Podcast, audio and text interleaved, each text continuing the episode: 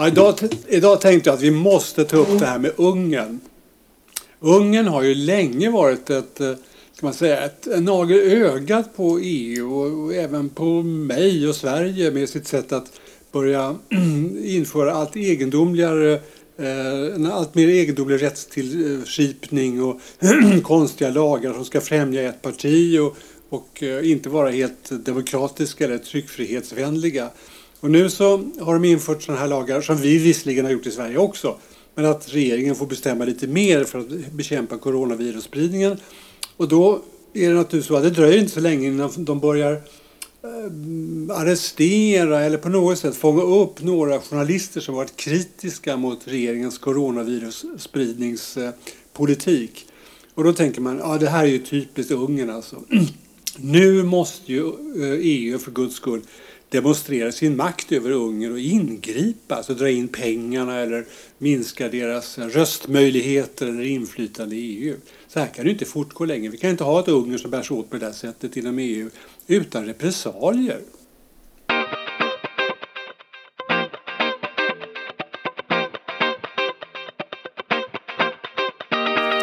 Ja, det, där, det där är ett jätteproblem. Va? För blotta ordet repressalier gör ju... Det ska visa ju hur svår den här frågan är. Va? Därför är man medlem i en klubb, visst ska det finnas korrektiv om man bryter mot klubbens säga, mål och stadgar och så. Men repressalier blir lite, det blir lite hårt. Och mycket av den här diskussionen i väst handlar ju väldigt mycket om repressalier. Alltså vi goda liberaler i, i Nordvästeuropa mot de här lite autokratiskt influerade länderna i sydost då, typ Ungern, Slovakien, ja och så Polen då som, som komplicerar det hela lite därför att de är, de är både i norr och öst och syd för de är så stora så att säga. Och jag, jag är Alltså, an, jag tror att EU har aldrig haft en så svår situation som man har nu efter, efter eh, corona. Eller Nej, mitt det, i corona. Det är för sig sant. Ja, ja fortsätt. Och det, det är... Vi har visat total brist på solidaritet mot varandra. Frankrike och Tyskland har infört importhinder, eh, exporthinder. Man har inte kunnat dela eh, sjukvårdsmaterial med varandra på ett effektivt sätt. Vi har blivit jätteisolationistiska, stängt alla gränser. Vi har blivit lite småungern allihop. Va? Och det där, jag är, jag är väldigt troende på EU av ett enda skäl. Därför att jag tror att de liberala frihandelsvänliga staterna i Västeuropa behöver hålla ihop för att ha en rimlig maktbas i det stora geopolitiska hav där vi simmar omkring. Va? Och ett Europa som bara splittras därför att Frankrike vill eh, driva en EU-armé och eh, Tyskland vill sluta ha amerikanska atombomber på sitt territorium och Polen. Alltså, det slutar ju bara med att Kina och Ryssland får makten. Och det tycker jag är jätte, jättebekymmersamt. Men du måste... Jag, så, ja, nej, fortsätt. Så att jag vill i och för sig att vi måste ge ett korrektiv till Ungern. Men inte en repressalie. Och det där är väldigt svårt att åstadkomma. Det enda hävstång som EU egentligen har är ju det att alltså nettobidraget från EU till Ungern är 50 miljarder. Alltså de, de betalar en miljard euro mm. och de får in 6 miljarder euro i runda slängar. Och det innebär det att de får 50 miljarder, alltså en svensk försvarsbudget. Ja, men, du, men, där, men nu pratar de om 50 miljarder kronor, eller hur? Ja, just det. Ja, okay. de, får, de får 6 mm. miljarder ja, euro. Ja, just det. Mm. Och det är ju naturligtvis Ja, men så som vi bråkar om våran försvarsbudget. Mm, inser man ju det att 50 miljarder är rätt mycket pengar. Visst. Och det, då, in, då tycker jag att att använda pengar och lämpor, vilket inte är så lätt när man har att göra med en autokrat, för som Orban faktiskt är. Mm. Eh, Det är där man måste börja. va. Och sen blir det naturligtvis eh, inte lättare för det därför att kineserna är ju beredda att matcha varenda krona vi tar bort med en ny kinesisk krona. Och ryssarna de är ju också beredda att, att eh, eh gå in och, och hjälpa kineserna att lyfta över Ungern och Slovakien och kanske till och med Polen till det, ska vi säga, andra lägret. Alltså jag, jag tycker den existentiella krisen som EU står i efter Brexit och i Corona gör att det är värt nästan hur mycket som helst att ha Ungern kvar.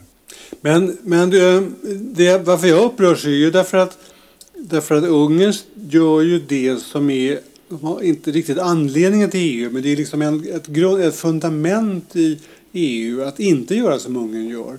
EU, visst, EU är i grunden ett fredsinitiativ för att slippa de fortsatta världskrigen som härjade över Europa. Men, men det, det är ju också för att, för att se till att äh, vi inte är som det såg ut på andra sidan järnridån, alltså åsiktsförtryck och, och icke-demokrati och sådana saker. Och så börjar Ungern ägna sig åt det. Och då menar jag, det blir ju, det blir ju ohållbart på något sätt om vi ska hysa det genom EU-ramen och vara EU överhuvudtaget. Det, liksom, det, blir inte, en- det blir inte en möjlig situation. Det är därför jag säger sådana grova saker som repressalier eller vi måste tvinga in dem i EU-familjen igen och uppföra sig som EU-folk och sådana här saker. Och till, ta till alla, makt, alla maktmedel som överhuvudtaget finns för att, för att se till att de gör som vi tycker att de ska göra. Ja. Alltså jag kan inte låta bli att hålla med dig därför att jag, menar, jag är också demokrat och liberal och allting sånt. Va? Och det är otroligt olyckligt att det har blivit så här. Och det är klart att vid sidan av de här ska vi säga, geopolitiska skillnaderna som vi har i olika delar av EU och olika maktanspråk som Frankrike och Tyskland har och så. Då finns ju en sak som överskuggar alltihop det här. Och det är ju invandringsfrågan. Va? Därför att de här nya EU-länderna i öst som håller på att hanka sig upp ur en kommunistisk fattigdomsfälla. De är ju otroligt rädda för att de ska behöva dela med sig av sina pengar innan de egentligen har fått ett ordentligt välstånd till en ocean av människor från eh, sydost. Va? Och där måste ju EU också ha en politik. Va? Vi kan ju inte ha en politik eh, där Tyskland säger, vi, som är rikast av oss alla, vi är schaffen das. Och vi i Sverige som är Tyskland light, vi säger ja, oj då, kom det så många? Och, och så vidare. Samtidigt som stora delar av EU är rabiata motståndare mot eh, migration och invandring och asyl och allting på ur deras synpunkt fullkomligt legitim grund. Va? Alltså, och EU klarar ju inte försvarspolitik, geopolitik, migrationspolitik, ekonomisk politik. Alltså EU, EU klarar ju egentligen ingenting av det som gör att EU kunde vara legitimt. Alltså på alla punkter fallerar EU. Alltså, Sverige är urförbannade på Frankrike därför att Frankrike vill ha en EU-armé. Tyskland är urförbannade på Frankrike för Frankrike vill att tyskarna ska satsa mer pengar på försvaret. Polackerna är urförbannade på tyskarna för tyskarna inte vill att det ska frambaseras en amerikansk division på polskt territorium. Mm. Alltså, överallt så finns det friktioner mellan de här gamla länderna som faktiskt borde ta tillfället i akt och chansa på fred och, och hålla ihop. Men vi tycks inte förmå oss till att göra det. Alltså, inte ens Sverige och Frankrike kan ju bli överens. Nej, men Det- jag kan hålla med om det. Men det, det jag menar är så här. Att en, en sån stor federation, om vi skulle se EU som en federation och så är den så, så pass stor som den ändå är. Det är en halv miljard människor som har en, en hel del olika språk. Så det är klart som sjutton att det pågår, det pågår eh, uh, småkonflikter här och var. Och man är inte alltid överens om de, de uh, ens övergripande liksom, frågorna i, en, i ett första skede i alla fall. Va? Det kan jag förstå att det är på det sättet. Det är väl närmast mänskligt. Men det jag menar är med just Polens problem är ju att Förlåt, Ungerns problem, jag börjar blanda ihop saker. Ungerns problem är ju att de, de bryter mot så grundläggande principer i vad EU är. Därför att allt det du nämner är, är fortfarande så att man är inom ramen. Mycket eller lite gemensamt försvar är inte, menar jag, på samma sätt en principfråga som demokrati och yttrandefrihet.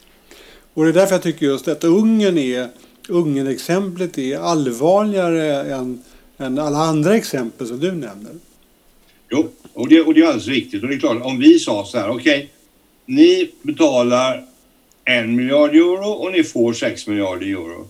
Det håller inte. Ni får inga miljarder euro förrän ni har blivit, ska vi säga, mer anpassliga till, till våra värderingar. Mm.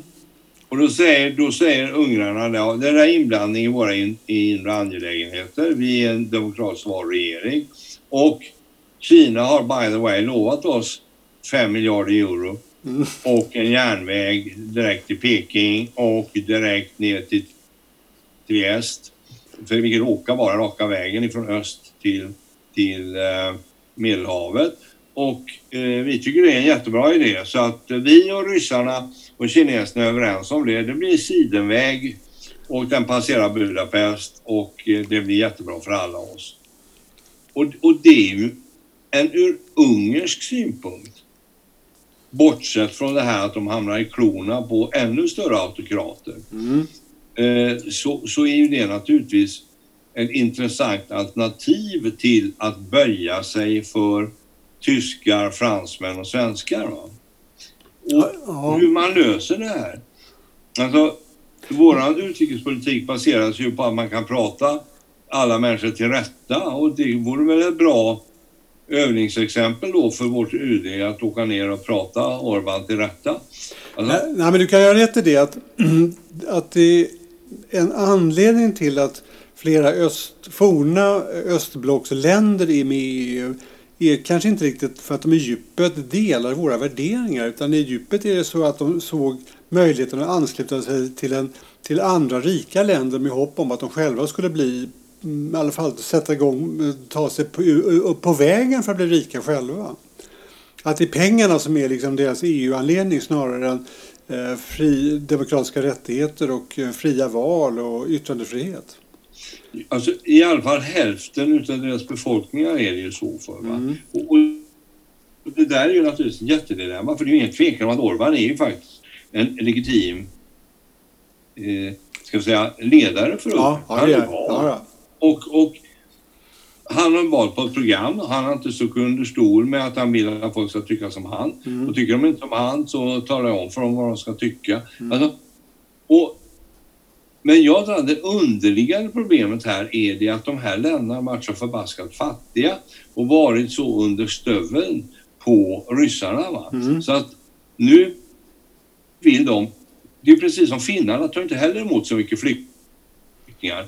Därför, som någon finsk kompis till mig sa, men vi har bara varit land sedan 1918 och vi vill ha vårt land ett mm. tag. Mm. Ni svenskar, ni har varit land i 2000 år. Visst. Ni kan ju liksom eh, hålla på och ha lyxen att tunna ut men vi vill njuta av att ha Finland ja. ett tag. Mm. Ja, och samma sak finns i Ungern, i Slovakien och Polen. Ja. Det här att nu ska jag se till att mitt folk i alla fall får välstånd innan vi gör några stora Eh, ska vi säga, demokratiska eh, kompromisser. Och eftersom resten av EU är beredd att förstöra vårt välstånd genom att ta hit hundratusentals asylmigranter. Det vill inte vi. Vi vill vara polacker, vi vill vara ungrare, vi vill vara slovaker. Sen när vi är rika nog att kunna vara lite generösa, ja då är en annan pilsner. Men än så länge så är Ungern först Precis som det är Amerika först så att säga. Men det är intressant att du tar upp det där. Därför att Ja. om man tar upp det på det sätt som du gör nu, då skulle det vara så att det finns en det finns liksom flera skikt av det här och ett, under det skikt som vi diskuterar för närvarande så är det att Ungern har en syn på invandring, det kan man tycka vad man vill om, men det är ändå så att den skiljer sig från vår, eller från den, den vanliga EU-åsikten i alla fall. Och det gör att Ungern, om man i Ungern så misstror man då EU som, eh, som vägledare när det gäller en gemensam flykting eller immigrantpolitik. Och, och det är det som gör att Orbán uppför sig som man gör. Kanske. Jag vill inte hävda att jag tror att det riktigt är så. Men om jag förstår dig rätt så menar du att det skulle kunna vara så. Det finns en komponent till. En komponent som är obegriplig för en svensk. Och det är religionen. Ja. Alltså, I Sydosteuropa, som ju delvis har varit under Ottomanska imperiet, Mm. om du kommer ner på Balkan, Mm. så är man ju virulent antimuslimsk. Visst. Bortsett från Bosnien som är muslim. Ja. Alltså, Jo, de är ju faktiskt religiösa på allvar i stora delar av den här världen. Vi är ju inte ett dugg religiösa. Vi tycker att, ja ja, när muslimerna, ja ja, de är lite medeltida i sitt tänkande men det går över när de får pengar. Mm. Det är vår approach. Men de, nere i Ungern och så vidare, de, de tror inte på det. De tror inte att de ändrar sig när de får pengar. De tror att de fortsätter att vara som, som Erdogan. Och de är faktiskt uppriktigt skraja för det. Och det tycker inte vi är legitimt. För vi vägrar ju att acceptera att det är legitimt att vara orolig för islam. Ja, men det är också så att det får man väl erkänna att just i Sverige så är det ju så att vi har ju liksom vi har väl aldrig varit invaderade. Ry- Ryssarna brände några gårdar i östra kanten av, av det svenska fastlandet. Men jag menar för övrigt så är det ju så att vi är befriade från den typen av krig eller, eller ockupation har, och är så genom hela vårt lands historia. Är Ja, ja, klart, nej, men det är det klart att det blir annorlunda. Ja. Ja, när vi har varit med om Kalmarunionen, men det var en frivillig union. Ja, och sen när danskarna började få lite imperialistiska idéer och vi ville liksom styra hela unionen som om det vore Danmark, Mm. ja, då, då blev det ett jäkla liv och så kom Gustav Vasa och så Mm. återställdes ordningen. Precis. Vi hann ju inte ens eh, bli eh, skottskadade Nej. utav Kalmarunionens avslutning. Du har helt rätt i det. Vi, vi har ingen som helst erfarenhet, varken historiskt eller i modern tid, av att någon annan bestämmer. Men det, det jag har problem med här det är då liksom en, en hederlig svensk skattebetalare eh, som frågar. Ja, jag, jag kan förstå att det är, vi behöver ge pengar till EU. Jag tycker att det låter rimligt som den svenska regeringens hållning att, att det är inte så att vi, vi rika länder ska täppa till hålet efter Storbritannien. Det är bättre att försöka dra åt svångremmen så att vi får finna oss i att vi är ett, ett rikt land mindre och därmed får EUs budget anpassa sig. Men varför vi ska ge närmast ett svenskt försvarsanslag till Ungern, det förstår inte jag. Hur, hur, ska, jag för, hur ska jag förklara det för skattebetalarna om jag då är statsminister eller finansminister eller EU-minister i Sverige? Den är inte helt lätt tycker jag. Alltså. Nej, den är absolut inte rätt. Alltså, den är ju till och med svår. Och där sitter väl grunden. Alltså det enda anständiga sättet att närma sig, närma sig Orban när det gäller det här är ju att säga det. Okej, du får 5 miljarder euro Mm, mer än du betalar. mm, Och våra skattebetalare, de köper inte det längre. Därför att de tycker inte ni uppför er solidariskt med EU. Så att det blir inte 5 miljarder. Det blir 3 miljarder. mm. Och sen 2 miljarder och sen 1 miljard. Och det hade ju funkat jättebra om inte eh, kineserna hade varit så extremt intresserade av att dra sin jäkla sidenväg Ja, genom Budapest ner till Trieste. Mm, De skulle betala en nolla till ja, för att knäcka EU på den här frågan. ja. Och, och det, alltså, och då tycker man väl på sätt och vis på EU då att geopolitiskt så är det vettigt att betala dem även om det är moraliskt förkastligt. ja. Du menar, uh, vi, vi kommer inte ifrån det. Alltså, den, övergripande, den, över, den övergripande frågan om målet med EU innebär att vi, måste, vi får finna oss i att, att Ungern uppför sig som de gör. Ja, alltså jag, jag tror ju... Alltså, jag som är cyniker tror ju det. va.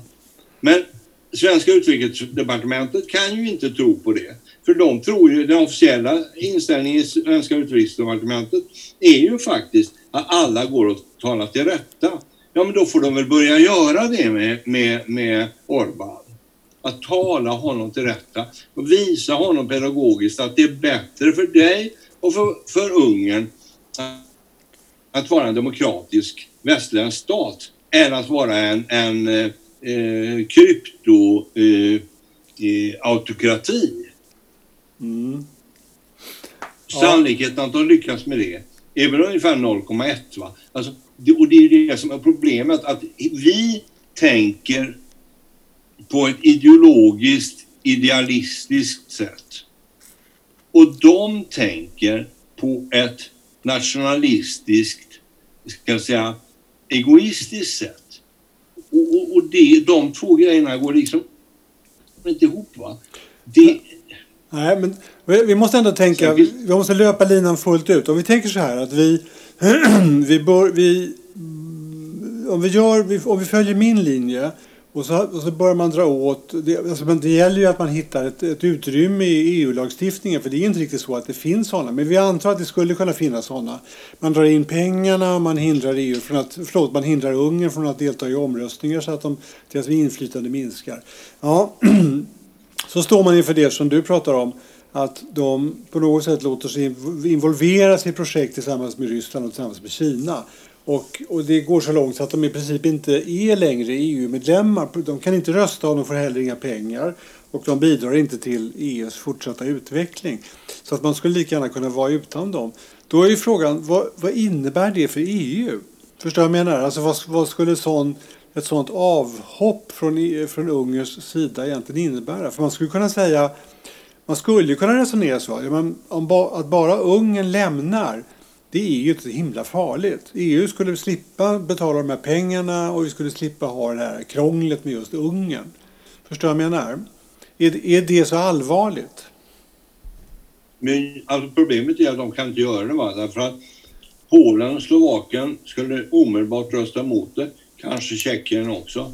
Alltså, de vill ju ha kvar Ungern i sin värld. Mm. Alternativet är ju att de går österut allihop. Va? Ja. Rumänien, Ungern, Slovakien, Polen. Och sen då kommer ju hela Balkan. Och då får vi ju en kinesisk enklav i Europa. Mm. Och det är möjligt att det är okej. Okay. Men det är också väldigt möjligt att det är väldigt okej. Okay. Det är klart att vi, vi vanliga nord, nordvästeuropeer har ingen lust att ha Kina i så, så nära in på oss. Det är ju helt, det är ju helt förkastligt eh, ens som idé. Och, och, det finns ingen anledning för oss att acceptera en sån situation. Den är ju o, extremt obehaglig. Det vill vi definitivt inte. Men det du menar egentligen att om om Ungern så säga, skulle falla ur händerna på EU då skulle, då skulle det bli en, en kedjereaktion av länder som skulle falla ur också. Jag, jag förstår vad du menar. Det första som kommer, hintra, det första som kommer hända, hända är att, att, att eh, de andra länderna sätter sig emot en uteslutning. Men det är inte riktigt det det, det, är ju sant. Det är klart att de inte kommer tillåta Västeuropa att utesluta ett land från Östeuropa. Det tror jag är riktigt. Men men det kan ju hända att Ungern liksom faller ur av andra skäl. Liksom, de vill själva plötsligt gå ut för de tröttnar på oss eller, eller något sånt där. Så att det, ja, det är ju inte omöjligt. Nej. Och då, då menar du att då kommer det följas, oundvikligen följas av en kedjereaktion där de här andra östeuropeiska länderna, för, förut detta bakom järnridån-länderna, de kommer följa med ut? Nej, Polen kommer inte gå ut därför Polen har sådana erfarenheter utav Ryssland. Ryssland ja, så, de, kommer, de kommer inte att gå den vägen.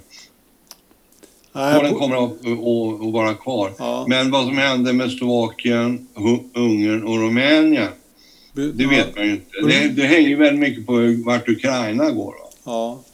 Ja. Därför att alltså, om Ukraina håller emot ryssarna Mm. och lierar sig med kineserna och så går den här sidenvägen genom Ukraina och rundar Ryssland, ja, då, då kanske det blir en annan pilsner. Men det, det, ja, Ja. det är jäkligt svårt att säga alltså.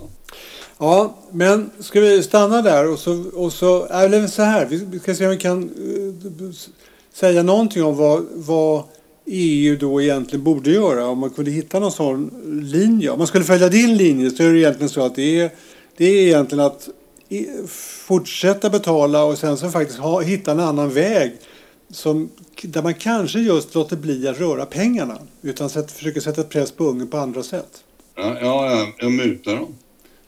Ja, just det.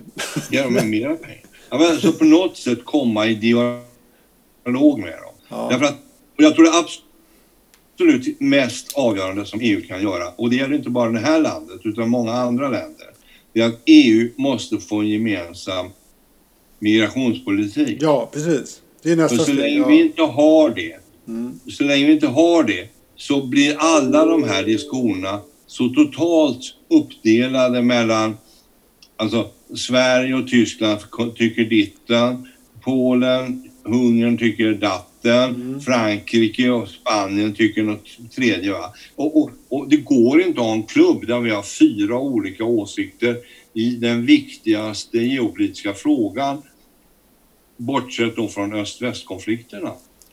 Alltså, migrationen är ju ett faktum och de vill inte ha in mer människor. Och vi andra, vi tänker ja men bara det inte kommer för många så är det väl uthärdligt. Men, men vi har ju inte ens förmåga att ta hand om det vi har tagit emot ännu. Så att, och det gör ju det att hela den här frågan lider av att ingen vill prata om om Ja, men, Och, och det ja, kan man inte, så kan man inte ha det. Nej, det måste EU lösa- måste ha en gemensam politik. Ja. men däremot skulle jag kan ju tänka mig att jag tror att det, det där delar jag av din syn helt och hållet. Vi måste ha en gemensam politik. Men jag tror också att den politiken inbillar mig, den skulle kunna vara sån att vissa länder har, har en invandring till en viss grad eller en viss mängd och andra länder har till en annan mängd. Och, och att man är överens om varandras på något sätt. Va? Och det är på det sättet ändå har en gemensam politik där det finns mm, skillnader mellan länderna. Förstår du vad jag menar? Jag tror det skulle vara jättelätt att lösa det om man tillämpar eh, asyllagstiftningarna konsekvent. Alltså om folk som har asylskäl får komma in. Men folk som har ekonomisk intresse av att komma Mm. in inte får komma in. Alltså, jag tror bara genom att se till att det inte bara är karar från Afrika och Mellanöstern som kommer. Utan att det faktiskt är bombade kvinnor och barn också. Alltså, bara genom att vara lite konsekventa så tror jag faktiskt att vi skulle kunna lösa en stor del av den här problematiken. Därför att de flesta människor är för asylinvandring Ja. och för omhändertagande av människor som lider under krig och örlog. Ja. Medan de däremot är totalt oförstående inför människor i 23-årsåldern som kommer hit och lever på bidrag. Visst. Oavsett om de kommer till Tyskland, Sverige eller, eller Frankrike. Och, och, och där har ju EU varit, ska vi säga, släpphänt. Ja. För, för vi har gjort att de här länderna som är ny på väg att bli lite medelklassländer, de blir ju rädda för det här. För de ser att det finns inga principer. Alltså, de, de, de här västlänningarna, de, de vill inte hjälpa oss hålla ordning på det här utan de, de bara öppnar sina gränser. Det går ju inte. Mm. Vi har inte råd. Jag tror alltså att en, en konsekvent invandringspolitik baserad på asyllagarna och FNs eh, stadgan skulle lösa det här. Problemet är ju det att vi liberala västerlänningar, vi vill ju inte ens ta det steget. Va? Vi, Ja, vi vill ju inte vara konsekventa. Vi vill ju tycka synd. Även om 23-åriga killar som kommer från Afghanistan och har bott 20 år i Iran och sen åker västerut. Därför att det bättre inkomstmöjligheter är. Vilket är fullkomligt legitimt att göra. Det skulle jag också göra om jag bodde i, i Iran Iran, och var, eh, var i, ifrån Afghanistan. Men problemet är att de här länderna är inte intresserade av mig. De kan möjligen vara intresserade av min bombade mamma och hennes småungar. Men de är inte intresserade av mig. Va? Nej, det, Nej, men det, det, det ligger någonting i det där. Alltså där, um, där måste EU liksom få ordning på det gemensamma och, eh, och det är möjligt som du säger att asyl, asylrätten att det skulle räcka om den, om den användes mycket, mycket strikt. Alltså att det är bara det som gäller. Det är möjligt att det är så. Och att det skulle liksom på det sättet dämpa våra spända relationer med Ungern och de andra länderna också. Det, det kan, möjligt, det kan möjligen vara, möjligen vara vägen framåt. Ja, det, jag, i grunden ser jag naturligtvis att jag delar din syn. Det är klart, det är klart som sjutton att vi måste hålla ihop i EU. Och att vi får betala en hel del pris både på det ena och andra sättet för att göra det. Problemet är att jag tycker, och det har blivit förstärkt under den här eh, coronaepidemin, va? att jag tycker att det ser svårare och svårare ut att hålla ihop EU. Vi får se vad som händer. det Ja. är så otroligt, det är så otroligt skilda mål och eh, ska jag säga, geopolitiska strategier i olika delar utav EU. Tyskland vill vara kompis med Ryssland, det vill Polen absolut inte vara. Frankrike vill ha halvkompis med dem, bara de själva får bygga en armé. Men alltså, det, det är så otroligt mycket, ska jag säga, historiskt belastade ska säga, tankar i olika länder som påverkar EU på ett väldigt negativt sätt just nu. Vi får se vad som händer. Det får vi göra.